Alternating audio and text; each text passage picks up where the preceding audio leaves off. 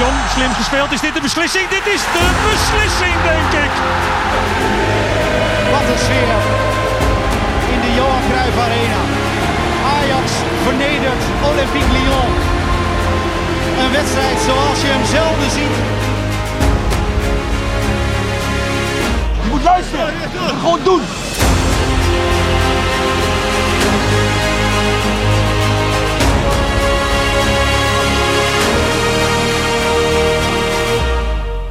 Van harte welkom bij de Ajax Live podcast. Aflevering zoveel, maar volgens mij is het de achtste aflevering, jaargang 1. De kersteditie 2020. We zijn eigenlijk al klaar voor een nieuw jaar. Straks hoor je supporters over hoe onze club aan het nieuwe jaar moet beginnen. Wat heeft Ajax nodig? Zo'n vraag ongeveer. Supporters praten en analyseren in onze babbelbox. Dat is ons vaste panel van kenners. En mocht je daarbij willen, meld je dan aan en praat mee. Je kunt de socials checken van de supportersvereniging Ajax. Dit is tenslotte de podcast van en voor Ajax supporters. Gewoon in onze eigen moerstaal. En uitkijkend op het Ajax-huis, de Johan Cruijff Arena. We gaan nu eerst naar uh, Amberone natuurlijk. Natuurlijk zijn er ook weer bij vandaag. Straks over de Ajax dames. Zo, uh, nou ja, dat is gewoon vaste prik eigenlijk. Maar eerst even iets anders. Hoe ga je en met wie gaan we straks praten? Ja, ik ga goed. In de donkere dagen voor kerst. Het is een beetje Jantje held, Jantje lacht. Ik volg uh, de gemoedsrust uh, van Ajax 1. Uh, de ene helft hartstikke goed. En de andere helft van de dag denk ik, nee, het kan beter. En, ja, maar dat is die kritische houding waarvan ik denk, ja, nou, we staan gewoon bovenaan. We zijn winterkampioen al. Ja, lekker. Volg altijd teletext. Maar nog één wedstrijd te spelen. Ja, zo is het maar winterkampioen. Dat is toch ja. prachtig? Ja, maar nee, ik ben er hartstikke blij mee. Maar, maar je vroeg hoe het met mij ging. okay. Maar wat was het uh, Jantje Huilt dan, uh, stukje? Nou, dat je dan denkt, hè, met deze dagen, je wil gewoon het jaar gaan afsluiten. En dan dat je denkt, ja, we gaan met z'n allen gewoon... Nou, knallend kan niet. In je eentje aan de champagne. Ja. Um, je hebt een soort van rap nodig. Dat je denkt, yes, ja. dit jaar is voorbij. We maken een nieuwe start. Maar, het Jantje lacht is... Het is vandaag, als wij opnemen, de kortste dag. Dus de dagen worden alleen maar weer langer. Meer ja, daglicht. Precies. Dat is voor iedereen goed. En blijf lachen, dat helpt ook. Uh, Zeker. En laten we meteen even de laatste standen rond onze club doornemen. We hebben gewoon weer drie punten, toch? We hebben gewoon, gewoon weer drie punten. Ja. ja, heerlijke eerste helft. Kon ondertussen andere dingen gaan doen. En voor je het wist... Uh, waren er ineens drie wissels. En was het, was het ineens. was het ineens dat je denkt, oeh, moet ik nu nog gaan billen knijpen? Maar had jij dat ook, Amber, dat je toch even aan VVV dacht ook? Ja, heel even. Heel even. Maar toen dacht ik, nee, ADO laat zich niet zo in de luren leggen. Dat, nee. uh, nou ja, dat bleek inderdaad. Ja. Maar ja, van de week ook. Wat, wat vond je van de wedstrijd, uh, de beker tegen Utrecht? Ja, nou ja, kijk, ik, ik zat, dan laat ik eerst even dat verhaal over ADO even afmaken. Ik dacht wel op een gegeven moment, ADO en VVV, dat kan echt niet meer eigenlijk hè, in de Eredivisie. Ik wil niks, niks naars echt over die clubs, maar gewoon het niveau. Dat is eigenlijk gewoon wel klaar. Als je daarnaar kijkt, toch? Dat is toch. Of, uh, uh, nou ja, VVV. Ik weet niet of iemand uit Venlo of uit Den Haag luistert, maar. Ik, ik ben zelf geboren in Den Haag. Maar... Oké, okay, nee. snap je? Dat... Nee, nee, nee, maar ik ben het helemaal met je eens. Ja, ik heb ook met beide clubs helemaal niets. Uh, dus nee, voor mij hoeft het niet. maar ja, we zitten toch ja, met 18 clubs. Ehm, wie wil je daarvoor terug hebben dan? Nou, nou ja, goed. En het geeft een beetje een vertekend beeld, omdat dit deel van de competitie zo is ingedeeld door KNVB, dat je dit soort wedstrijden nu allemaal achter elkaar afwerkt. En ja, en dat, misschien is dat ook niet helemaal gunstig voor voor Ajax eigenlijk? Nee, ik, ik, weet wel zeker van niet. Na de winterstop is toch altijd weer even opstarten. Je moet maar zien wie er terugkomt. Uh, weinig wedstrijdritme. Nou is winterstop, ik geloof dat het om tien dagen gaat. Uh, en ze gaan natuurlijk niet op trainingskamp. Maar ik ben wel benieuwd inderdaad, als je dan nu tegen die topploegen moet... denk ik dat het een heel vertekend beeld gegeven heeft, dit soort wedstrijden. Ja, en dan hebben we in februari natuurlijk ook nog de Europa League... Uh, dus het worden zware maanden aan het begin van het jaar. Ja. Uh, maar goed, daar gaan we het zo meteen ook nog over hebben, denk ik, met ons panel. Ja, ons zeker. supporterspanel. Die hebben daar al een, een soort blik in de toekomst voor. Ehm, ja, ja. Klaas-Jan Huntelaar. Zo. Bedoelde je dat niet met die bekerwedstrijd tegen Utrecht? Wat wil je daar eigenlijk nog over vragen? Oh ja, nee, ik was gewoon benieuwd. Wat, nou ja, ik heb ik was tijdens die wedstrijd heel zaggerijnig. Terwijl eigenlijk als je het met een neutrale blik zou kunnen bekijken... dan is het toch een fantastische wedstrijd met heel veel doelpunten. Dan heeft de toeschouwer gekregen wat hij wilde en we gaan door. Ja, het is gewoon een, echt een bekerwedstrijd is het. Zo. Kijk, en het Utrecht is natuurlijk helemaal niks zonder, zonder Kluiber en Labiat. ja, nee, dat zou het zijn inderdaad. Potverdikke me, ja. Maar hoe heb jij op de bank eh, zitten kijken? Nou, ik vond het krankzinnig. Ik bedoel, ja, je- zo, zo ga je niet zitten voor zo'n wedstrijd. Maar ik vind het toch allemaal wel leuk ook. Het heeft ook wel iets. En eh, ja, niet alleen in Nederland heb je dit soort rare eh, wedstrijden en uitslagen. Want ook in Engeland gebeurt aan een lopende band. Hè? Ja. Er gebeuren gekke dingen in het voetbal. Misschien heeft dat toch ook wel weer met die, met die pandemie te maken. Dat er geen publiek bij is. Dat er toch in de, in de hoofden van de spelers dingen sluipen die wij niet eh, echt goed kunnen duiden. Maar dat je daardoor misschien wel die rare wedstrijden en uitslagen krijgt. Ja, ja, misschien is dat wel zo. Ik ben wel benieuwd als we daar later over een aantal jaar op terugkijken... of dat inderdaad van invloed is geweest. Nog even één ding, hè, wat ik nog even over de wedstrijd natuurlijk eh, van zondag wilde... of zaterdag was het, eh, nee, zondag tegen... we hadden een half drie wedstrijd Ja. tegen ADO. Ja, wat in mij opviel, ik weet niet hoe jullie daarin zitten... ik ben dus een voetbalkijker. Ik kijk het liefst in de kroeg of thuis, want dan kan ik het goed zien. Wat vond je van het filmpje wat er tussendoor geregisseerd werd van Onana? Ja, nou ja, dat, dat is ook weer iets nieuws eigenlijk, toch? Ja, Want, want, want we hebben al een keer een filmpje gehad dat hij niks te doen had, toch ook weer? ja, maar dat werd tijdens de rust volgens mij uitgezonden... Ja. En niet tijdens de wedstrijd. Ik vond het wel vernederend voor de tegenstander. ja. En ik wil voetbal kijken. En voor mij had het niet gehoeven tijdens een wedstrijd. Oké, maar laten we dit even adresseren aan Fox Sports. Of Gaan we doen. ESPN. Het foxsports.nl. eh, stop met jullie dikke grappen tijdens de wedstrijd. Want ik kijk voor het voetbal en daar betaal ik voor. eh, ja, daar heb je geen zin in. Heb ik gewoon even Maar gezien. we missen ook natuurlijk het stadion. Daar heb je er allemaal geen last van. Nee. Dan heb je ook geen last van herhalingen. Dan kan je gewoon lekker kijken. Kan je gewoon lekker Zoals het kijken. allemaal bedoeld is. Ja, Toch? Ja, nee, en dat is natuurlijk wel fijn. Dat die, dat straks spreken we eh, met de directeur van de Johan Cruijff Arena, Henk Maak- Markerink. Eh, dus ik ben ook wel benieuwd hoe hij dit jaar eigenlijk beleeft. En Ja. eh, volgend jaar 25 jaar Johan Cruijff Arena. Laten we hopen dat we dat tegen die tijd mogen vieren. En voor een gedeelte gaat hij er altijd over. Wanneer mogen wij weer naar binnen? Ja, Dat gaan we ook een vraag aan hem. zeker. Goed, even naar eh, Klaas-Jan Huntelaar. Ja, Het is altijd eh, twijfel natuurlijk. Wat, wat ik zei, voetbal is het leukste wat er is. Maar eh, eh, ja, ik ben al zo lang bezig. En eh, uiteindelijk eh, ja, moet je een keer een knoop doorhakken. En, eh, ja, dat gebeurde op dat moment eigenlijk. Ik had er wel van tevoren een beetje eh, over nagedacht. Maar in dat, op dat moment kwam het, kwam het in één keer gewoon naar buiten. Omdat hij het ook vroeg, geloof ik. En eh, ja, zo liep het. ja, Ja, hij kondigde opeens een afscheid aan, aan hè, dat dit zijn laatste seizoen was. ja. En hier kwam je even op terug na de wedstrijd tegen, tegen ADO Den Haag. Waar hij hier al een beetje tot rust gekomen. Want op het moment dat hij het zelf tegen eh, de, de. Volgens mij was de verslaggever van Fox, was Hans Kraai junior. Eh, toen hij het zei, schrok hij er. Leek hij er zelf van te, te schrikken eigenlijk. Dat, het nu ineens, dat hij het ineens naar buiten bracht. Hoe heb jij dat gezien? Nou ja, ik, ik, ik was niet echt verrast overigens. Want ik dacht, ja, dat, het zou best eens kunnen dat Klaas-Jan eh, Huntelaar stopt aan het einde van dit seizoen. Maar het moment, eh, ja, daar was ik wel een beetje verrast door. Maar goed, hij vertelde natuurlijk geen wereldnieuws, hè. Nee. Kijk, het, het had gekker geweest als hij had gezegd: ik, ga- ik ga nog twee jaar bijtekenen. Dan had het, dan had het iets, iets eh, opvallends geweest. En dat was het nu eigenlijk niet. Alleen, eh, ja, blijkbaar, en dat zegt hij nu zelf ook, het kwam gewoon naar buiten omdat het eh, gevraagd werd. En dat vind ik ook wel mooi aan eh, voetballers, dat dat tegenwoordig ook gewoon nog steeds kan. Dat het niet allemaal geregisseerd is en dat je de- de- een beetje om de hete brei heen praat. Terwijl je eigenlijk gewoon wil zeggen wat je wil zeggen.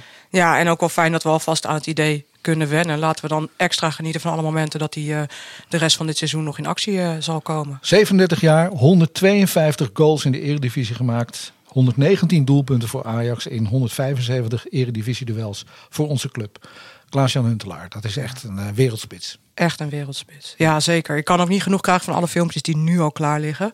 Dus ik hoop dat ze ook eind dit jaar met een mooie compilatie komen. Daar mogen we Fox Sports wel ook wel even over mailen. Dat ze niet zoals eh, vorig jaar de hele tijd eh, overal die filmpjes van Roemie van Persie. Op een gegeven moment had ik het wel gezien. Laten ze nu maar mooie filmpjes over Klaas-Jan Huntelaar maken. Dan zet ik eh, Fox Sports wat vaker weer aan. Goed, dan morgen, want dan is het alweer zover. Dan gaan we naar Tilburg, kwart voor zeven. Willem II, de laatste wedstrijd dus voor de winterstop. Al winterkampioen, memoreerde ik al eventjes. Ehm, wat denk je? Ik denk met hangen en wurgen, maar eh, laten we hem gewoon in de pocket hebben. En ik heb Willem II ehm, gisteren zitten kijken eh, tegen AZ.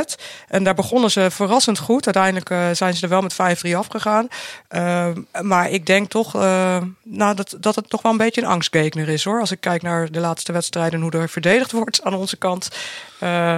Ja, ik denk dat. Nou, ik denk, let je gewoon de laatste voor de winter. Die knallen we er nog even in. Ik zeg 1-3 voor Heeft Ajax. Een slechte bank? Heeft Ja, Ajax ik vraag maar even, omdat eh, die tweede helft tegen ADO... dat was natuurlijk een hele andere wedstrijd opeens.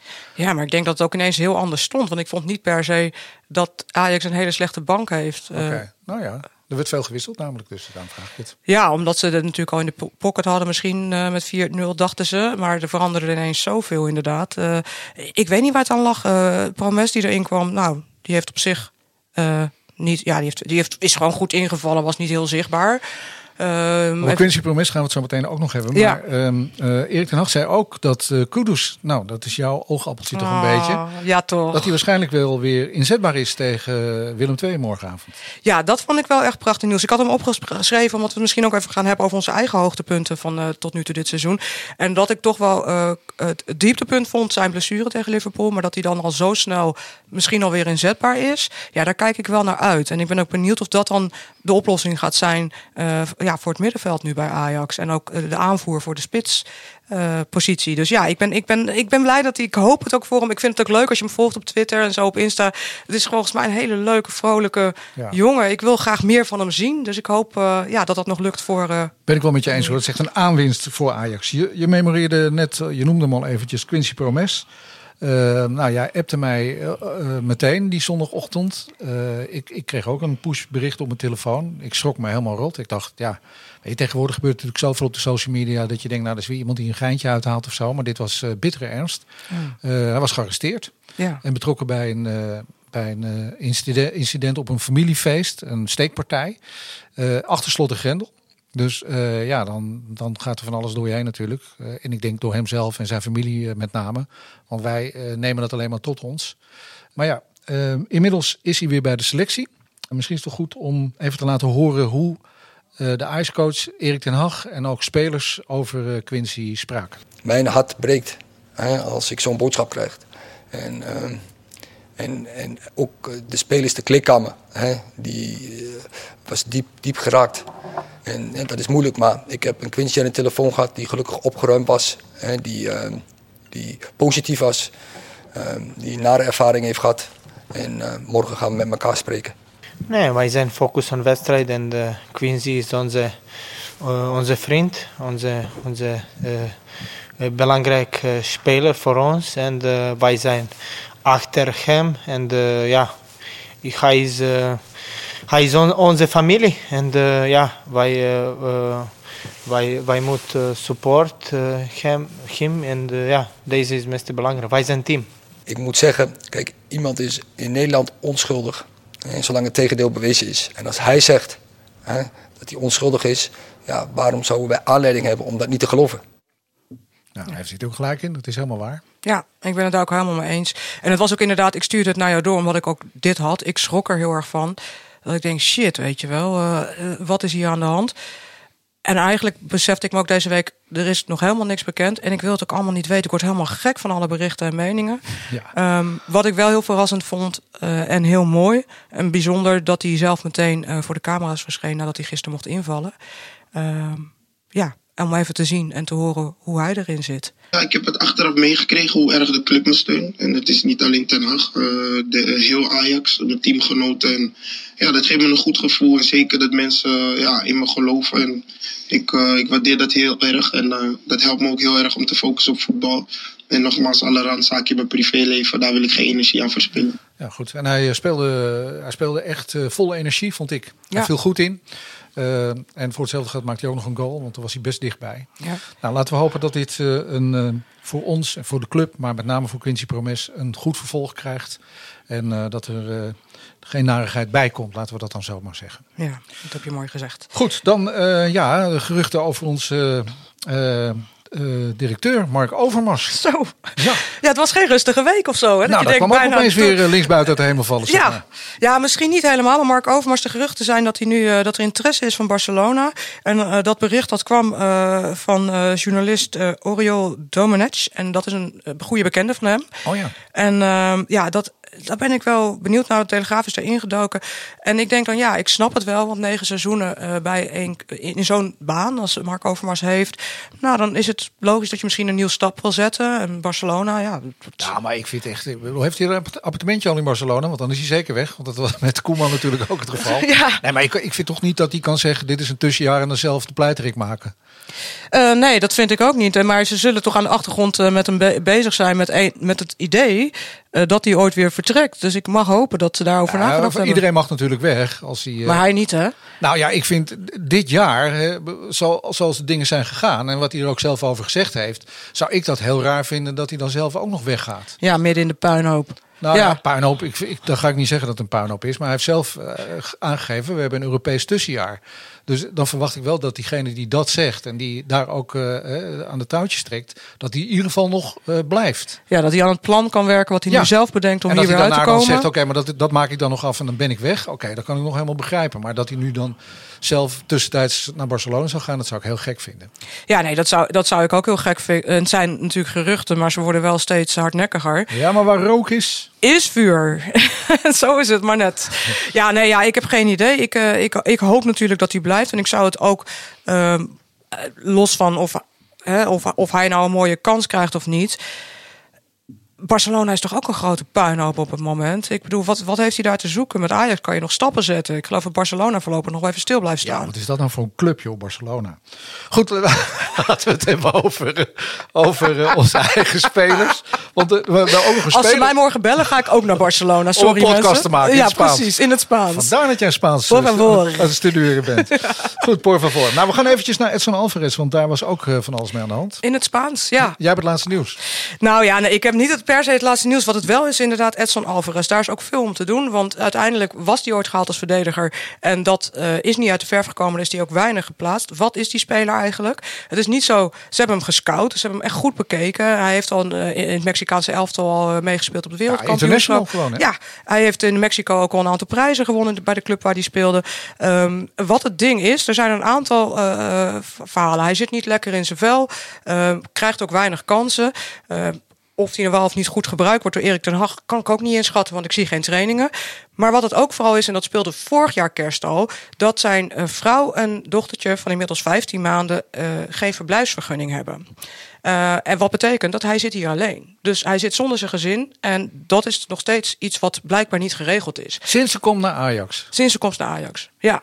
Dus ik ben heel erg benieuwd hoe dat nou precies werkt. En dan had ik daar een pittige discussie over met verschillende mensen in mijn omgeving. Ehm, want voor Ajax, die halen Je hebt er geen ruzie gemaakt hierover, hè? Nee joh, we waren het uiteindelijk vrij snel eens dat het voor iedereen beter is. Dat als je er nog 15 miljoen voor kan krijgen, dat ze meteen met strikt erom dan toch maar naar Valencia moeten laten gaan. Ja. Eh, want dan kunnen we misschien nog een verdediger halen. Maar dat terzijde. Maar de discussie ging met name over waar ligt nou precies, moet hij dit zelf regelen? Eh, net als ieder ander die in Nederland eh verblijfsstatus aanvraagt. Moet je dit zelf regelen? Of moet je dit als club gaan regelen? In Nou, ik denk dat het een combinatie is. Ik denk dat een speler, ja, je bent natuurlijk eh, wel verantwoordelijk voor je eigen, ja, voor je eigen shit eigenlijk, om hem even zo het kort op de bocht te zeggen. Maar de club eh, ondersteunt de, de spelers daar toch bij. Eh, die, dat mag die wijzen naar het juiste loket en die, die zorgen dat, dat die dingen in ieder geval in gang blijven. Want als hij al een jaar zonder zijn gezin zit, heeft het niks met corona te maken misschien. Nee, want vorig jaar, dat was nog voor de kerst, dat er Oh ja. uiteindelijk een heel vrolijk filmpje kwam dat hij eindelijk zijn meisje weer, maar dat was volgens mij in Londen waar ze elkaar zagen. Eh, en dat, ja, dat was echt heel ontroerend. Toen dacht ik, ja, dat wil je toch niemand aandoen, zo'n jong gezin. Heb het idee dat ik hier bij Boulevard ben tegengekomen. Dan gaan ook allemaal mensen knikken. Dat, eh, ja, die dat allemaal op de voet volgen. Dat zijn meisje in Londen. eh, ja, nou ja. mooi. En- dat en- jullie dat allemaal zo volgen, dat wist ik allemaal En dat al die mannen het hier ook zo ontroert. Dat ze denken, ja, hoe kun je dat nou aandoen? Hè? Dat die dochter met 15 maanden en zijn vrouw, zijn meisje haalt ze op. Maar ja, nee, wat voor mij wel vooral was dat ik denk, Ajax is een groot internationaal bedrijf. En zij werken dus eigenlijk zoals elke grote corporate met expats. Daar regel je huisvesting voor, maar ook de situatie. Want hoe beter hij zich voelt, eh, hoe beter hij zal presteren, denk ik. Want Ja. dat geldt voor iedereen. Want Voor de tijd dat hij in Nederland blijft en bij Ajax onder contract staat. Ja, ik vraag me dan af, waarom is dat nog niet geregeld? Nee. Op wat voor manier? En dat weten we natuurlijk niet. Maar dat zijn nu de geruchten dat dat ook een reden is waarom hij graag naar Valencia Dus wij, wil. eigenlijk vinden wij dat voordat Overmars de verblijfsvergunning in Spanje regelt, moet hij eerst regelen dat de familie van Alvarez hier in Nederland een verblijfsvergunning krijgt. Ja, of ze stappen op diezelfde trein en dan zet hij hem af in Valencia. Dat, Nou, maar- dan ga ik Ja. nu wel die poll over Alvarez die wij hebben gehouden op ixlive.nl, eh, die moet hij dan maar even niet horen. Want eh, ja, die is niet zo heel erg gunstig, vind ik. nee. Als je, als je naar onze achterban kijkt, vind jij het een goed idee om Alvarez te laten gaan? Ja, dan zie ik hier de uitslagen. En dan, ja, eh, 19% zegt maar, nee, geef hem een kans. 49 zegt, ja, laat maar gaan, het wordt hem niet. En er zit er nog iets tussenin. 32% zegt, nou, alleen als we dan een vervanger hebben, dan mag hij weg. Ja. Ja, waar, waar sta jij in deze? Nou ja, ik, ik, ik ga even terug naar het begin van jouw verhaal. Dat hij ehm, eh, nog niet echt goed is neergezet op de positie waar hij eigenlijk hoort te spelen. Eh, want dat is wel echt wel ten Hag eigen eigenlijk. Hè. Eh, bij al die wedstrijden verbaas ik me steeds weer over waar die spelers staan. Heb jij dat niet? Hij, Ja, hoe leren kun je leren. Maar, Nee, maar ja, dat, dat doet hij wel. Hè, want hij vindt dat een topclub dat ook moet. eh, maar uiteindelijk pakt dat toch steeds een beetje beroerd uit. En daar- Nou- blijkbaar wordt ook een Alvarez daar toch een beetje slachtoffer van ook. Ja, d- dat gevoel heb ik wel. Omdat, weet je, hij zou gehaald zijn als centrale verdediger. Ja. En als ik kijk naar hoe de chemie is tussen Blind en Schuurs... vind ik hem nog niet heel erg lekker. Ik wil wel zo'n killer achterin. En de wedstrijden die hij nu is ingevallen... ehm, ja, dan zie ik hem toch wel... eh, verdedigend zijn die skills wel goed. Het is een beetje een... Tegen Utrecht was hij fantastisch. Ja, en dus ik vraag me dan af, is die, ja, wat gebeurt daar dan dat hij niet de concurrent is van Schuurs, eh, maar wel blijkbaar op het middenveld moet concurreren met mensen die op dat, die positie veel beter uit de verf komen. Heel scherp, Amber.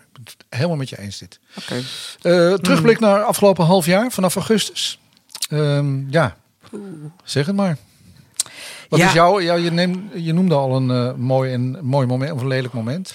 Ja, een lelijk moment natuurlijk eh, de blessures en dan met name Kudus vond ik echt, echt, echt heartbreaking. Mooie het was wel, maar even op Alvarez, die hem dan troost op het moment dat hij uit het veld komt. Eh, wat ik ook heel vervelend eh, vond, en ik denk dat veel supporters het met me eens zullen zijn, dat we niet een fantastisch mooi afscheid aan Ziyech hebben kunnen geven. Dat was natuurlijk dan nog voor de zomer. Maar ineens, de laatste wedstrijd waar Ziyech nog, wat was het, 30 minuten speelde of 20 minuten Ja. bij Heerenveen. Dat was ineens het laatste wat wij van Ziyech zagen. Dat is eigenlijk wel een dieptepunt, ja. Ja. ja die vind ik eigenlijk wel, eh, die wil ik wel even afvinken. Want is- dat had hij natuurlijk verdiend. Ja. Ja, en, en ja, een mooie met alle haatliefde die Er er was wel een heel mooi filmpje, hè, wat, eh, Ja. wat in een theater was opgenomen. En, Tuschinski. en wat, dat was natuurlijk prachtig, echt. Ja. Nee, de, absoluut. En wat, wat, ja, wat, ook een, wat ik een heel mooi moment vond, was de terugkeer van Neres. Al was het tijdelijk. Maar ik gun ook die jongen met al die blessureleed. Nou, dat vond ik fantastisch dat hij weer inviel, eh, weer scoren. Weer helemaal leek hij in goed, goede weg, op de goede weg te zijn.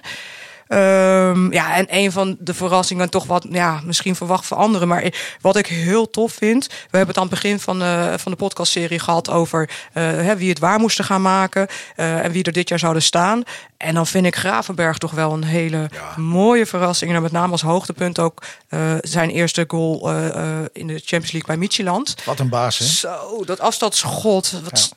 Wat een vent. Ja. 18 jaar, waar Ja. hebben we het over? Ja, Echt. dat eh, is onvoorstelbaar goed. Ja. Ja, en ik vond ook een hoogtepunt wel dat Onana bleef. Want, Ja. want dat was ook een beetje hoop en vrees, hè? Ja. Ik dacht nog van, ja, wat gaat er gebeuren? Ik bedoel niet dat Maarten Stekelenburg een slechte keeper is, maar we wilden natuurlijk allemaal dat hij eh, zou blijven Onana en dat is gebeurd. Ja. Dat vond ik wel een mooi hoogtepuntje ook. Ja, nou ja. Nou ja, absoluut. Ja. Eh, Eh, de, mm, ja, ik had nog eentje natuurlijk, wat we natuurlijk niet kunnen overslaan. Dat is natuurlijk een historische eh, zege op VVV. Ja, inderdaad, ja. Ja, wanneer maak je dat nou mee? Nee, niet. Die gaat Nee. toch ook wel de boeken in als wat een wedstrijd. Zeker, zeker. Maar goed, die heb ik dus niet opgeschreven, omdat ik... eh ja, het is natuurlijk hartstikke leuk. En het zegt ook wel iets over de kwaliteiten van Ajax. Daar wil ik zeker niks aan afdoen. Maar het zegt ook heel veel over VVV in dit geval. En dat zag je dus ook tegen ADO. Dat je, dat je na, dat, na een half uur zo'n wedstrijd gewoon gespeeld is in de eredivisie. Eh, en, eh, Ja, maar normaal is een wedstrijd gespeeld en dan gaan ze niet door. En dat was ook het, klachten van vorig jaar van Ajax. Van dat ze altijd stopten na een paar doelpunten. Nou, het had dus zo'n wedstrijd tegen ADO... waar je dan 4-0 voor staat. Als je pech hebt, gaat het nog mis. Ja, maar ik, ik wil toch, toch ook wel, kijk, be- behalve de topwedstrijden tegen PSV en, eh, en, en Feyenoord, vind ik het ook mooi om die, die, die battles te zien tussen ADO en Utrecht. Weet je, dan zit ik toch altijd op het puntje van mijn stoel en uiteindelijk winnen we hem wel.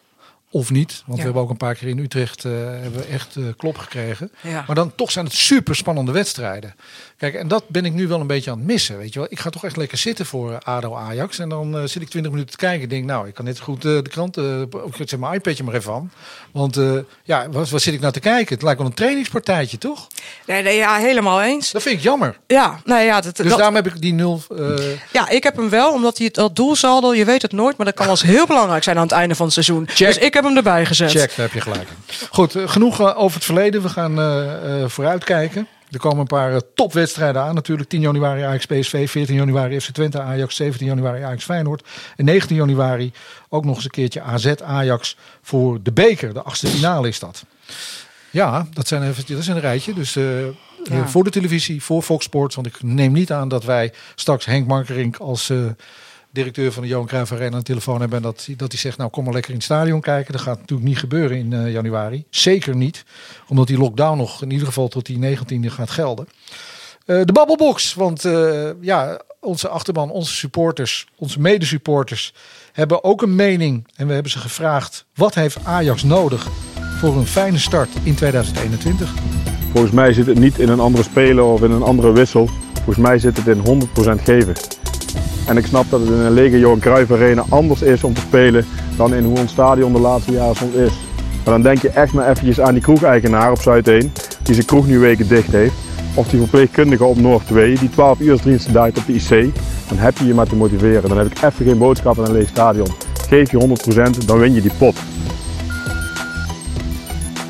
Ik heb oprecht geen idee hoe we fris en fruitig moeten gaan beginnen aan 2021. Geen COVID en geen lockdown zou helpen, maar ja, dat is een utopie. De spelers leven, leven al best wel lang in een soort van bubbel. En nu kunnen ze in de korte winterstop ook niet eens naar huis of op vakantie. En er moet iets gebeuren. Het spel is niet best. Gezien het programma van januari moeten we gelijk vlammen. Wellicht een goed gesprek met supporters. Misschien is dat een idee om de beleving terug te krijgen. Maar ja, dat hielp tegen Atalanta ook niet echt. Het wordt zeker lastig. Het is geen makkelijk seizoen, maar het geldt voor niemand. Joh, stel je eens voor, ga daar zelf in staan. In een lege Johan Cruijff Arena. Kijk eens omhoog en probeer daar een stuk motivatie uit te halen. Om 90 minuten lang vol te gaan. Dat, dat is, ja, het is bijna onmogelijk. Maar toch, eh, het moet ook een soort gewenning worden. Dus we moeten door. Laten we hopen dat het tweede seizoen zelf zonder blessures goed begint. En dat iedereen zijn vorm weer herpakt. En ik zeg je, dan komt het weer goed. Want wij zijn Ajax. Wij zijn de beste. Dat laatste dat klopt natuurlijk helemaal. Ja, Ik vond het een beetje down. zo. De winterdepressie zat er wel in, hè? Ja, we staan er gewoon bovenaan. En eh, ja, het lijkt net of, eh, of het helemaal niet goed gaat. Dat vind ik dus niet hoor. Nee, dat vind ik ook niet. En met al die uitslagen eh, die er geweest zijn, ja, het waren, ja, het is een vertekend beeld. Maar we hebben toch hele mooie doelpunten gezien. We hebben best wel een frivol Het spel, kan, het spel kan wel beter. En je bent natuurlijk uitgeschakeld in de Champions League. En dat is natuurlijk een enorme teleurstelling. Dat snap ik wel. Maar goed, Ja. eh, eh, het is niet zo dat we, nou, dat we daar nou heel erg verrast over eh, hoeven te zijn. Want het was natuurlijk heel zwaar. We hebben een tussenjaar. Ja, dat is toch ook waar. Herhaal het nog maar even. Ja. Nee, ja, nee, absoluut. Kijk, het is natuurlijk ook een beetje de waan van de dag en het gevoel waar je in zit. En zo'n gekke wedstrijd tegen Utrecht en ADO en alles wat er nu speelt, snap ik oprecht. Hè, want we hebben een toppanel voor de Babbelbox. Eh dankjewel Marcel, Roy en Selma voor deze eerste... Maar vond je me niet aardig over ze? nou, eh, jawel. Maar ik wil toch even zeggen, want ze zei, maar ik snap hun wel. Als je kijkt naar deze weken, eh, dat je dan even een beetje down wordt. Want ik eh, was toch ook zagrijnig. En ik zit dan ook te kijken naar zo'n Nou, ik ga ons panel ook bedanken, want iedereen heeft natuurlijk gewoon zijn mening. Dat Ja. mag je ook hebben. Maar ik wil er dan even aan toevoegen dat we bovenaan staan winterkampioen zijn en dat we Europa League spelen. Dus eh, Met een onnavolgbaar doelsaldo Ja, van nu er komen- 51 en er komen er nog een paar bij tegen Willem II hebben we besloten morgen. Daarom. Dus hij gaat eh, goed starten in eh, 2021. Te beginnen met de thuiswedstrijd tegen PSV. En dan zijn wij er ook, trouwens. Morgenavond dus eerst nog Willem II. Eh, wil je meepraten eh, in deze podcast, dan kan het. Je kunt in de uitzending komen. Houd onze socials in de gaten voor het nieuwe onderwerp. En eh, meld je gewoon aan. Dat zou wel mooi zijn, want we kunnen nog wat mensen bij ons panel gebruiken. Dus dat zou ik leuk vinden. Absoluut. Goed, en dan? Ja, Ja, nou ja, dan gaan we naar de gast van vandaag. En aangezien we in een lockdown zitten, helemaal covid-proof, hangt die aan de lijn. Het is de man van de Johan Cruijff Arena, directeur Henk Markerink. Goedemiddag. Hey, goedemiddag. Dag Henk, goedemiddag. En voordat we eh, uitgebreid gaan praten, wilden we eventjes terug naar 2011. Dan moet er bij jou denk ik ook wel een lampje gaan branden, maar ik heb het hier op papier ja. staan. Eh, want dat was eigenlijk het moment dat het Ajax-huis ook echt het Ajax-huis werd. En het leek mij mooi om, eh, voordat we het gesprek eh, gaan beginnen, om daar nog even naar te luisteren. Eh, we horen Ja. Danny Blind en Jan Vertongen. Op dat moment ontplofte de arena wel. En dat was wel een heel speciaal moment. eh, wat, wat, ja, wat je ook voelde. Dat voelde je aan alles. En je voelde, dit, dit gaat gewoon goed komen vanmiddag. Ik denk alle jongens die toen speelden, speelden al, die speelden al jaren bij Ajax. Die voelden de druk van de derde ster. Van nog eens na al die jaren kampioen worden. Van, van na de, begonnen, of de verloren bekerfinale tegen Twente, die het jaar daarvoor kampioen was geworden. Het was, dat, alles kwam zo erg bij elkaar. Dat waren Danny Blind dus en eh, Vertongen. Ja, dat was de derde ster, 2011. Henk, waar was jij toen? Ja, in het stadion natuurlijk. ja, ja. Ik zat op de tribune. Ja. Hoe heb je dat Ik beleefd was erbij. eigenlijk? Ja, hoe heb je dat beleefd als directeur van het stadion? Ja, dat was een eh, geweldige ontlading natuurlijk. En zo'n eh, ja, zo'n apotheose krijg je natuurlijk niet zo vaak dat in de laatste wedstrijd het beslist wordt. Hè? Want het was eh, ja, zo'n zo'n scenario verzin je alleen in Hollywood normaal gesproken. En met één punt achter en dan winnen en dan met twee punten eindigen voorsprong eindigen. Ja, dat was een, een droomscenario. En daar kwam alles viel op zijn plaats op dat moment. Ja, het is mooi om te, dat ik wil het je even horen vertellen, omdat we dat, eh, dat gevoel eventjes eh, moeten hebben, omdat we dat eh, zo missen allemaal. En ehm, ja, jij mist dat natuurlijk ook het afgelopen jaar zonder supporters. Ehm, er is een hoop gebeurd.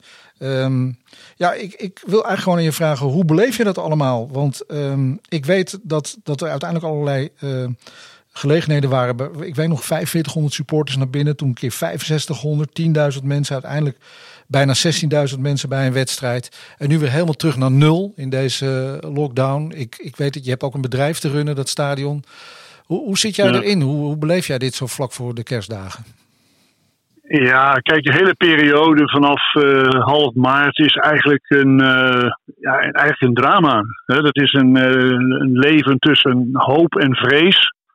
En, en in eerste instantie denk je van, nou, dat is een kwestie van een paar maandjes. Hè? En in augustus dan gaan we weer gewoon eh, volle bak verder. Maar zo stap voor stap, hè, als dan de jongen op een gegeven moment zegt, nou, we moeten toch eerst wel een vaccin hebben, eigenlijk voordat we weer gezellig met z'n allen naar een wedstrijd kunnen. Dan denk ik, wow, shit, een, vaccin, dat kan wel twee jaar duren. En dan, dan zo langzamerhand doemt er een soort, ja, een soort eh, eh, een nachtmerrie aan de horizon. Dat je, als dit kan al heel lang gaan duren, dat we eigenlijk zonder publiek in het stadion zitten. En, en nou, dan ga je knokken, dan ga je initiatieven nemen, ga je kijken of je terug kunt naar normaal. Je gaat eh, een, een, een blok vormen met elkaar, maar als, als eh, organisaties van evenementen en wedstrijden. En je gaat in gesprek met autoriteiten en je hebt dan weer hoop. Dat je zegt, nou, misschien kunnen we toch weer terug eh, naar, naar 10.000, 15.000, 20.000. En dat lukte eigenlijk ook best heel goed. Hè. Vanaf eh, eerst augustus een oefenwedstrijden zonder publiek. En dan in september langzaam, ik geloof het maximum was ongeveer 12 12.500. En dat ging eigenlijk heel verantwoord en veilig. Dus, eh, en dan komt er weer een tweede nekslag eh, met die tweede eh, lockdown of die tweede golf. Ja, en dan, dan is het toch wel weer even slikken natuurlijk. En, eh, maar elke keer krabbel je dan toch weer op. En het is ook wel net als in de sport. eh, dan kijk je weer vooruit. En dan zeg je, ja, misschien dat vaccin, dat komt eraan. Eh, we zijn bezig met sneltestlocaties rondom het stadion. Dat we eigenlijk iedereen, voordat men naar binnen gaat, snel kunnen, kunnen testen. Dat, dat we eigenlijk een veilige bubbel kunnen creëren binnen. Dus je blijft zoeken naar mogelijkheden om weer terug te kunnen naar een, naar een volle bak. Want ja, het enige wat eigenlijk toch telt bij een wedstrijd is gewoon een vol stadion met mensen. Dat is eh, een leeg stadion, dat is geen wedstrijd. Hè? Ja, en, en hoe, hoe creëer je die bubbel? Hoe hebben jullie tot nu toe, zeg maar, welke voorbereiding hebben jullie voor het komend, nou ja, mocht het weer kunnen met supporterstadion in, wat, waar kunnen we dan op rekenen als we daar binnenlopen? Nou ja, kijk, eh, we hebben dus een situatie gezien in september op anderhalve meter. Nou, dat ging eigenlijk zeer gedisciplineerd. Iedereen eh, werd, eh, ging gefaseerd naar binnen. Eh, sterke, sterke strenge maatregelen bij de toiletten en de catering. Op de tribune werd het goed gehandhaafd. Iedereen hield zich keurig aan de regels. Iedereen ging ook weer gefaseerd naar buiten. En wat mij betreft is dat eigenlijk de eerste fase waar, waar we naar terug gaan in, in januari. En dan eh, zijn we nu in gesprek met de autoriteit om te kijken dat we eh, iedereen kunnen sneltesten. Hè, dus om dan op te schalen van 15 naar 20. En op een gegeven moment moet je dan die anderhalve meter loslaten. En dat is voor de overheid een grote stap. Hè, want het is eigenlijk nog steeds een coronawet, hè, die anderhalve meter. En eh, nou ja, wij proberen daar met ook al aan de proeven van transmissie van het virus, hè, met die, met die aerosolenproeven en zo. We proberen ook aan te tonen wat kan en wat niet kan. En, en eh, met testen langzaam eh, weer, met meer mensen. En dan komt er natuurlijk een moment dat, eh, dat je groepen krijgt van gevaccineerde mensen, die in principe veilig zijn. Dus op een gegeven moment heb je eigenlijk ja, vier categorieën mensen. Eén groep die is gevaccineerd, één groep is gesneltest, één groep is immuun. Inmiddels zijn er ook 2, 2,5 miljoen mensen immuun, want die hebben het gehad. Hè? Dus die zou je ook apart kunnen zetten. En dan heb je een groep waar je het niet van weet. Dus in feite eh, is het, ehm, ja, en dat is een enorme puzzel. Eh, op, de tekentafel is het nog wel makkelijk te bedenken, maar we hebben dat ook meegemaakt. Met name eh, Ajax heeft er natuurlijk een enorme puzzel aan gehad om te zeggen, ja, wie mogen dan naar binnen en, en hoe, hoe ga je die selectie maken, et cetera, et cetera. Dus dat zal nog een hele worsteling zijn om van hier weer terug te komen naar ja, zeg maar, een een fatsoenlijk aantal mensen, 30, 40.000. Maar ja, dat is toch de enige manier om eh, de moed erin te houden, is vooruit te kijken en te zeggen, ja, er zijn mogelijkheden om weer eh, te denken aan een, eh, aan een, een, vol stadion. Ja. Maar dat, nou ja, goed, dat, dat is allemaal een beetje koffiedik kijken. Nou ja, ons, onze hoop is toch eigenlijk wel dat je in de tweede helft van 21 weer terug kunt zijn. Ja, dus dit seizoen kunnen we eigenlijk wel. Eh, ja, dat gaat de boeken in eh, als, als een voetbalseizoen zonder eh, supporters in de stadions. Nou ja, zonder, helemaal zonder, dat denk ik niet. Ik hoop toch wel dat we in januari, februari weer terug kunnen naar misschien 15.000, hè, wat we ook in september hadden. En misschien met gevaccineerde mensen, et cetera, nog wel een stapje meer. Ehm, maar. Dat is wel snel hoor, Henk, denk ik. Want eh, ja, die vaccinaties, ja, die vaccinaties Ja, een beginnen natuurlijk in januari. En er zijn Ja. weer groepen die, eh, die helaas, eh, nou ja, helaas, eh, ik denk dat het heel logisch is dat het een goede beslissing is van, eh, van de overheid om, om mensen in de zorg en, eh, en in de eerste lijn in te enten. Eh Ja. Voetbalsupporters staan volgens mij nog niet op het lijstje. Want kijk, ik wil ook even met, met jou naar de praktijk. Want zo'n sneltest eh, aan de poort. ehm, ja, eh, zonder nou pessimistisch of daar eh, vervelend over te doen. Maar hoe zie je dat voor je? Nou, we zijn nu ongeveer een maand bezig eh, met eh, Ziggo Avas Live en Pathé samen. Omdat het hele gebied daar eigenlijk naar hunkert. Eh, zijn we in gesprek met de gemeente, het stadsdeel en ook met de centrale stad en de GGD. En om, om te kijken hoe je door middel van sneltesten eh, echt eh, duizenden mensen eh, het stadion in kunt krijgen. Maar dat kan dus niet allemaal op één plek in het, in het gebied. De- we hebben nu sneltestlocaties in, bij Schiphol, in Amsterdam-Noord en be- in West komt nog zo'n locatie.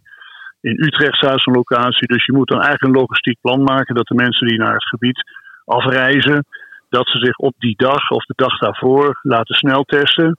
En dan een bewijs hebben dat ze dus negatief getest zijn. Voor de mensen die eh, nou ja, eh, last minute getest moeten worden, of voor al het personeel dat we moeten inzetten, hebben we een grote testlocatie in gedachten op het, eh op het Arenapark, zeg maar even, aan de boulevard. Waar we dus ook enige duizenden mensen nog voor de wedstrijd kunnen testen. Maar daar kun je natuurlijk niet 50.000 mensen testen. Zo snel gaat het ook weer niet. en dan is nog de vraag met welke test. We hebben dus die, de blaastest eh, eh, is de meest eh, Oh ja. voor de hand liggende.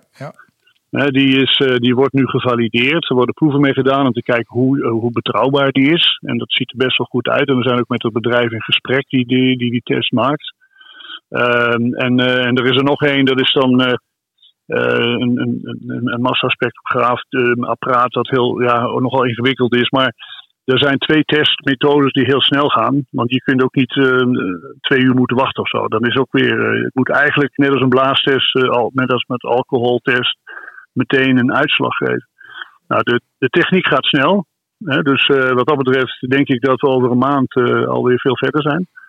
Maar ehm, Ja, want er was toch ook sprake van zo'n proef, Henk, als ik je even mag onderbreken. Met 1500 supporters in een Ja. aantal stadions. En daar stond de Johan Cruijff Arena ook bij. Een experiment Ja, klopt. met vijf Ja. verschillende groepen. Ja. Groep zonder mondkapjes, groep met mondkapjes. Ik moest nog een beetje lachen, omdat er stond... je mag niet zingen, maar je mag je wel enthousiast en uitgelaten gedragen. Toen dacht ik, nou, even, even, even bedenken hoe ik... dan moet ik nog even naar een acteercursus of zo, hoe ik dat, hoe ik dat ga doen. Maar, eh, want ik dacht echt, hoe dan? Maar eh, Ja. staat dat nog steeds op de rol, Henk? Ja, dat, dat was, het was eigenlijk de bedoeling om een test te doen bij eh, de wedstrijd eh, voor de beker. Maar Ajax heeft de volgende ronde uitgeloot. Eh, dus we spelen in Alkmaar. Maar de bedoeling was eigenlijk bij die wedstrijd, als het in Amsterdam was geweest, om dan een proef te doen met zo'n eh, 700 eh, eh, supporters. Maar voorlopig, eh, da- dat gaat dus even niet door. Ik geloof dat dat ergens eh, 16 januari is of zo, even de datum ongeveer. Maar ehm, eh, dus we zullen dan eh, nog moeten bepalen of dat bij een volgende wedstrijd eh, gaat plaatsvinden. Oké, dus dat, is nog niet van de baan. Dat is niet van de baan nog. Nee, Nee, oké, nee. dat is mooi. Dat is mooi. Ja, ja eh, Henk Daniel die zei net ook al, eh, je hebt natuurlijk ook gewoon een bedrijf te runnen. Nou. Eh, je hebt wat, eh, ja, toch wat behoorlijk wat meegemaakt ook het afgelopen jaar. Het lijkt me heel gek, want je, je zit er al 25 jaar. Eh, wat is voor jou, zeg maar, wat zijn de alternatieven voor de andere dingen? Want je bent ook een evenementlocatie. Je had dineren langs de lijn eh, eh, voor supporters ook. Heel veel zakelijke events zijn in de Ja. Johan Cruijff Arena. Ja. Ja, wat, wat, hoe werken jullie aan ja, die kant? Kijk, we, hadden, we hadden een hele mooie programmering eigenlijk voor het eh, seizoen 1920. Hè, want we zouden eh, naast Ajax zouden nog een eh, interland hebben, Nederland-Spanje in maart. En dan zouden we nog, we hadden heel veel zakelijke evenementen staan, congressen en seminars in de zalen. Dan zouden we toeleven naar, we hadden nog toppers in de agenda staan in mei. En dan zouden we naar EK gaan in, in juni. Dus dat was eigenlijk een mooi seizoen. Nou ja, vanaf maart viel alles weg. Eh, we kwamen echt volledig stil te liggen. Zelfs de rondleidingen werden eh, stopgelegd. De rondleidingen zijn best een groot succes. En die, eh, die werden ook platgelegd. Dus eigenlijk hebben we vanaf maart tot, ja, tot juni helemaal niets gedaan. En eh, ja, dat is natuurlijk ongelooflijk pijnlijk, omdat het stadion er tegelijkertijd bij lag als een plaatje. Hè. Het, we hadden dus eh, die hoeken dichtgebouwd, alle stoelen waren vervangen. Ja, ja. Eh, we hadden het hoofdgebouw nog verbouwd. dus het lag helemaal spik en span klaar eigenlijk om die EK te huisvesten. En, en, en alles viel stil. Dus ja, ik zei altijd, dat is een mooie prinses die ligt te slapen. Wie kust haar wakker? En nou ja, dat, eh, dat, dat ging... Ja. ja, ja. Ja, nou ja, we hebben, we hebben heel veel mensen daarop toe aangezet. Maar ja, de, de, de, de, de autoriteiten moeten wel meewerken natuurlijk. Ik snap het. Maar het, eh, dus het, eh, en, en eh, ja, er was dus op, er was ook geen perspectief. En dat is dus eigenlijk eh, nog het lastigste om ook een organisatie ja, gemotiveerd te houden. Dus ja, jongens, we moeten verder. We lopen een marathon. Maar is het een marathon van 50 kilometer? Of als je ah, bij de finish bent, moet je dan nog 50 kilometer? Weet je? Dit is een, Wat dat betreft is het een eh, lange adem kwestie geweest. Hij zegt Henk, Ja, en eh, intussen- ik, ik weet niet of je dat echt wil vertellen, maar goed, ik bedoel, dit is natuurlijk een, een groot stadion, een belangrijk stadion. Er zijn heel veel kosten. Je, je maakt van die NOW-regeling natuurlijk gebruik. eh 60 mensen in dienst, begrijp ik toch? Zo om, om en nabij. Nou ja, we hadden, we hadden 71 mensen in dienst. Nou. En eh, we hebben dus, eh, ja, je, je kunt wel ongeveer na- op je vingers eh, natellen dat zo'n stadion is gewoon een duur ding. Hè, En, en, en met een, ja, een beperkt gebruik. Hè. Dus de kosten gaan voor een belangrijk deel door. Hè. Veel onderhoudskosten gaan door. Ja. En en, en de, de inkomsten vielen voor een belangrijk deel vielen die terug. Blijven de Dus sponsoren wel betalen, Henk? Hoe- hoe ja, de, de- ja, gelukkig zijn er een aantal ja, hele solide partners die we natuurlijk hebben te beginnen bij Ajax. Want eh, Ajax, eh, ook omdat Ajax nog eh, het, het stadion blijft gebruiken en ook nog steeds voetbal. Dus Ajax betaalt nog steeds een deel van de huur. En, en nou, de founders en sponsors die we hebben, die hebben nog keurig aan hun afspraken voldaan. Dus dat, dat, mooi. zijn, dat zijn belangrijke bronnen van inkomsten. En daarnaast hebben we dus de NOW-regeling die ons behoorlijk, behoorlijk heeft geholpen. Maar ja, desondanks eh, eh, ging, gingen we toch ga- ging de jaar, maandelijks meer uit de kassa dan dat erin kwam. En we hebben, ja, mede om die reden, dus ongeveer tien mensen hebben we afscheid van genomen. Eh, nou, en dat, dat, ik hoop dat het daar in elk geval bij kan blijven. Want ja, nu er weer wat perspectief is. Je hebt uiteindelijk wel een team nodig wat er moet staan natuurlijk als de zaak weer opkrabbelt. En, dus eh, dat, waren, dat zijn dan de meest pijnlijke eh, maatregelen, omdat het dan om mensen gaat. En, eh, dus dat, dat, zit, dat hoort er ook bij. En ja, dat crisismanagement is niet leuk. Het is knokken. Hè, knokken voor je geld. Het is knokken voor de, voor de afspraken. Het is, maar ja, het, nogmaals, ik, ik denk, ik heb er wel vertrouwen in dat we die, die, die dip doorkomen. En, en kijk, wij zijn een stadion wat eigenlijk, als we weer een paar centen over hebben, dan investeren we dat weer. Je, hebt natuurlijk gezien in de loop der jaren hoeveel het stadion heeft eh, bijgebouwd. eh, en, en dat kost heel veel geld. En we hebben ook niet even 10 miljoen op de bank eh, reserves gemaakt. Want ja, niemand had deze crisis zien aankomen. Nee, nee, dat geldt natuurlijk inderdaad voor iedereen. Maar Henk, jij bent vijf- volgend jaar bestaat de Arena 25 eh, jaar. Maar ik heb begrepen dat jij zelf dan dus aan het einde van dit crisisjaar ook af gaat treden. Klopt dat? Ja, nou ja, mijn, uh, mijn pensioengerechtigde leeftijd, uh, zoals het zo mooi heet, begint uh, in juli volgend jaar. Nou, dat zou je toch niet zeggen? Oh, nou. Nee. Jemig. Ja, oh, dus, dus, het, is, het is gelukkig een, in dat geval een positieve reden. Maar um, wat, ja. wat, wat kun je wel al verdelen met ons over de toekomst van de arena, het Ajax? Welke plannen lagen er nog op de plank als de crisis er niet geweest was? Nou ja, kijk, de, een stadion is, ik zeg altijd, is net een levend organisme. Wat eigenlijk continu blijft doorontwikkelen. Hè, en uh, ondanks dat de, ja, de, de verbouwingen aan de westkant en de oostkant af zijn, kun je natuurlijk nog. Ja, we hadden altijd nog eigenlijk een schil in gedachten. Die, die, die schil die we op Oost hebben gebouwd, die, die verbreding van die omlopen, dat is eigenlijk het idee om dat rondom te doen. maar goed, dat, dat kun je uitsmeren over meerdere jaren dat, uh, dat is een, uh, dan heb je echt uh, ook kwaliteit op de tweede ring. de mensen die nu op de tweede ring zitten hebben zeer beperkt toegang tot, tot cateringpunten en toiletten, et cetera. Die tweede ring is, is een beetje behelpen, zeg maar.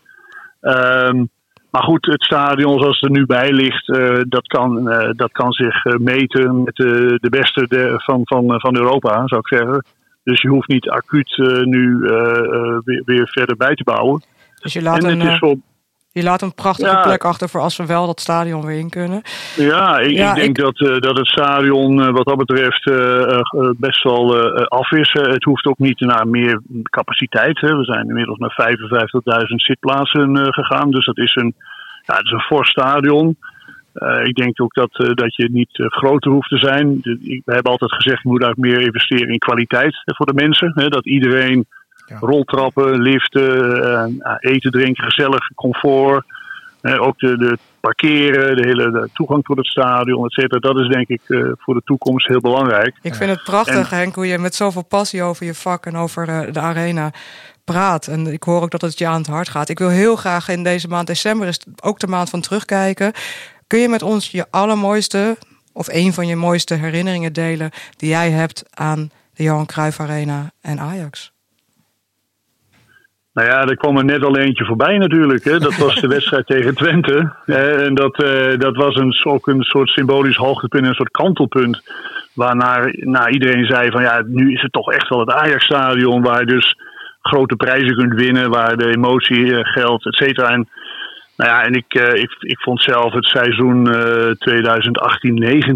met, de, met de de Champions League wedstrijden, eigenlijk de Champions League finale hadden we bereikt, bij wijze van spreken.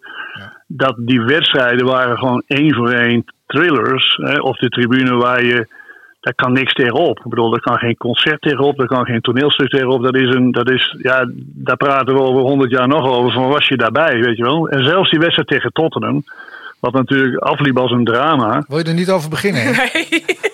Ja, ik wilde positief ik, eindigen. Ja, maar toch heb ik dat uiteindelijk ervaren als een, als een hoogtepunt. Het was eigenlijk die laatste, die laatste twee minuten, die hadden, die hadden gewoon niet moeten plaatsvinden. Maar voor de rest was dit natuurlijk gewoon een geweldige wedstrijd. Ja, en uh, nou ja, ik ben ook naar de finale geweest in, uh, in, in, Stockholm natuurlijk, uh, tegen Manchester United. Ja, die verloren we wel. Maar uiteindelijk, als je dan die curve tekent vanaf 96 de opening, dan is het eigenlijk een continu stijgende lijn. Ja. En, uh, en daar had eigenlijk in 19 de Champions League finale bij gehoord. Dan was het, dan was het echt compleet geweest. Ja, mooi hè? maar, Heel mooi. En uh, ja, ik, ik, ik, gun je eigenlijk ook een mooi afscheid uh, volgend jaar. Want het is een beetje gek om op deze manier terug te treden als, ja, als baas van de Johan Cruijff Arena. Voel je dat zelf ook of ben je gewoon wel blij dat je van je pensioen kan gaan genieten? Nou, ik zeg wel eens, het lijkt wel een soort of de cirkel rond is. Want ik ben begonnen met een heel kleine organisatie met een gebouw wat daar nog niks had. en ik eindig bijna ook weer met een gebouw waar niks plaatsvindt uh, bij. Maar dat is, dat is, dat is, een, dat is een, vrij, dat is een vrij, vrij cynische uh, benadering. Maar ik bedoel, ik, uh, ik kijk met zoveel plezier terug naar alles wat, wat er zich heeft afgespeeld in het stadion en, en, en de ontwikkeling. Het is gewoon een jongensboek. Hè? En het, het stadion op zich, de, het hele gebied in Zuidoost, eh, de, de ontwikkeling van het gebied waar we een rol in hebben gespeeld. Ja. Eh, waar we nog steeds mee bezig zijn, ook eh, met, voor de bevolking in Zuidoost. Dus wat dat betreft, ja, het is, het is, het is hartstikke leuk. Mooi. Ja, je, mag, je mag trots zijn ook, Henk Markerink, op wat je met het stadion bereikt hebt. En ik vond het ontzettend leuk dat je eventjes met ons wilde praten voor de Ike Live podcast. Um, ja, ik ga je namens Amber prachtige dagen wensen. Nou, fijn. Ja, ja, jullie ook hele fijne feestdagen. En eh, laten we toch hopen dat uh, ons uh, clubje in elk geval volgend voorjaar weer grote, grote prijzen gaat winnen. Ja. ja, en dat we elkaar mogen tegenkomen in een vol stadion. Dat zeker, dat okay. zeker. Dat Mooi. hoort er wel bij. Dankjewel ja. Henk. Oké, okay, graag gedaan. Tot ziens. Dag, tot ziens. Henk Markering was dat uh, van de Johan Cruijff Arena. Prachtig. Nou, dan uh, zitten we alweer bij onze kalender en die heb jij. Maar zou je dat even ietsje rustiger willen doen dan de vorige keer? Want ik kon het bijna niet volgen. Ja, denk je dat de mensen nog weten naar, wie, naar, naar waar, waar, ze naar luisteren eigenlijk? Misschien ja. moeten we het daar nog ja, even maar, maar dat ging ik niet meer zeggen, want het leek net alsof ik op de radio was, toch? Maar we hebben wel luisteraars. Nou, ik, wilde, ik, wilde, net zeggen van, uh, je luistert naar de Ike Live podcast met Henk Markering. Toen dacht ik, oh nee, dat moet ik niet doen. Nee, dat uh, loste je netjes op. Ja, loste je netjes op. Dank. Fijn om te horen. Um, nou, nee, ja, we hebben inderdaad een Ajax Live kalender. Want als je al lid bent van de supportersvereniging, dan heb je natuurlijk van de week een fantastische uh, ja, verrassing in je in je brievenbus gekregen. Namelijk een prachtige kalender. Ja. Um, ja. was je nou ook alweer jarig? Want die moest ik nog invullen. 3 februari. Goed zo, dit doe ik die uh, bij februari, de ja, derde. Precies. En dat was dan, uh, volgens mij zat de foto van Liverpool-wedstrijd daarbij. Ik moest meteen weer even aan onze podcast denken. Prachtig. Ja, dat was mooi. Ja, dat was een mooi. Ja, ik, uh, ik ben ook met veel plezier begonnen. En als jij nou thuis denkt, ja, ik, uh, ik, wil, ik wil die ook, dan uh, word vooral lid van de supportersvereniging van Ajax. Maar je kan natuurlijk ook die kalender er nu bij pakken. Want behalve verjaardagen heb ik ook wat mededeling voor wat je de komende tijd kan invullen. Um, je kan namelijk de familiequiz downloaden. Die is op ajaxlive.nl slash feestdagenquiz. En dan krijg je vragen van bekende Ajaxiden. Ik heb er één voorbij zien komen over Huntelaar. Ik ben heel benieuwd hoe jullie het ook doen in de quiz. Dus laat het vooral ook even weten via Twitter of Instagram. Reageer even op Facebook, dat kan ook. Je kan je nog inschrijven voor de online pubquiz. Maar je moet wel heel snel zijn, want die zit bijna vol. Die is op 28 december. En voor de jonge scharen, dus de jongvolwassenen, opgelet. Het online FIFA-toernooi is er op 28 december ook. Het is dezelfde datum dus als de pubquiz. Ja, ja, zeker. Ja. En het Ajax Live magazine verschijnt alweer op 8 januari. Dus dat is nog voor de wedstrijd van PSV. Kun je hem even lekker inlezen. Daar kreeg ik al een preview van in mijn app. Oh, echt ja, waar? Ja, dat ging over... Uh... Mag je er al iets over delen? Nou, dat weet ik niet. Dat staat er niet bij, maar dan doe ik het gewoon. Aandacht voor uh, vaantje, zaalvoetbal en... Uh, ja, de, ik zag, er ging ook iets over muziek. Ja, dat is leuk. Nou, dan komt dit nieuwe magazine. Oké, oké, leuk, leuk. 8 januari dus op de mat. Ja, en onze volgende podcast is er op uh, dinsdag 12 januari, dus na PSV Ajax. En uh, voor midweeks FC Twente Ajax. En dan de klassieker dus hier in de arena.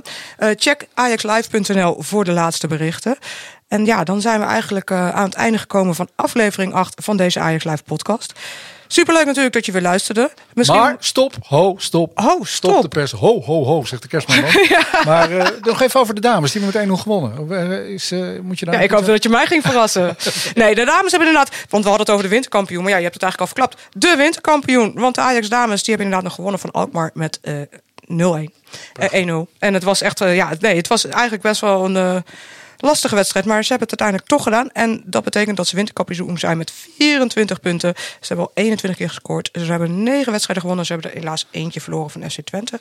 Maar ze doen nog mee voor uiteindelijk het kampioenschap en de schaal. En, of, uh, en voor de beker. En uh, ja, helaas bij Bayern ging het iets minder goed. Maar ik doe geen ongezellige berichten meer hoor, aan het nee, einde. Nee, dus nee, en wat hartstikke mooi is natuurlijk. Want zij hebben wel een winterstop. Ze gaan pas in februari weer verder. En dan kunnen we Sherida Spitsen verwelkomen in het elftal. Mooi. Daar gaan we allemaal volgen. Ja. Op 13 januari dan is er weer een nieuwe Ajax Live podcast te downloaden. Uh, en dan zitten we midden in de maand met al die topwedstrijden. En dan uh, zien wij elkaar ook weer. En dan spreken we elkaar en uh, ook onze achterban weer. Dus wil je nog aanmelden voor het panel, doe dat dan nog tussen de feestdagen. Dat kan nog net dit jaar. Ja. En word lid van de supportersvereniging. Dat zou ook leuk zijn. Want ja. zo blijven wij de grootste en de beste van de beste club van de wereld. Dat is absoluut waar. En dan, ja, hele fijne feestdagen allemaal, maar blijf ook gezond. En uh, ja, laten we kijken wat volgend jaar weer brengt. Ik heb er eigenlijk wel zin in. We zijn winterkampioen. Daarom. Champagne. Zo is het. En dan gaan we nog even naar de bus, want Piet staat al voor. Een hele goede dag iedereen.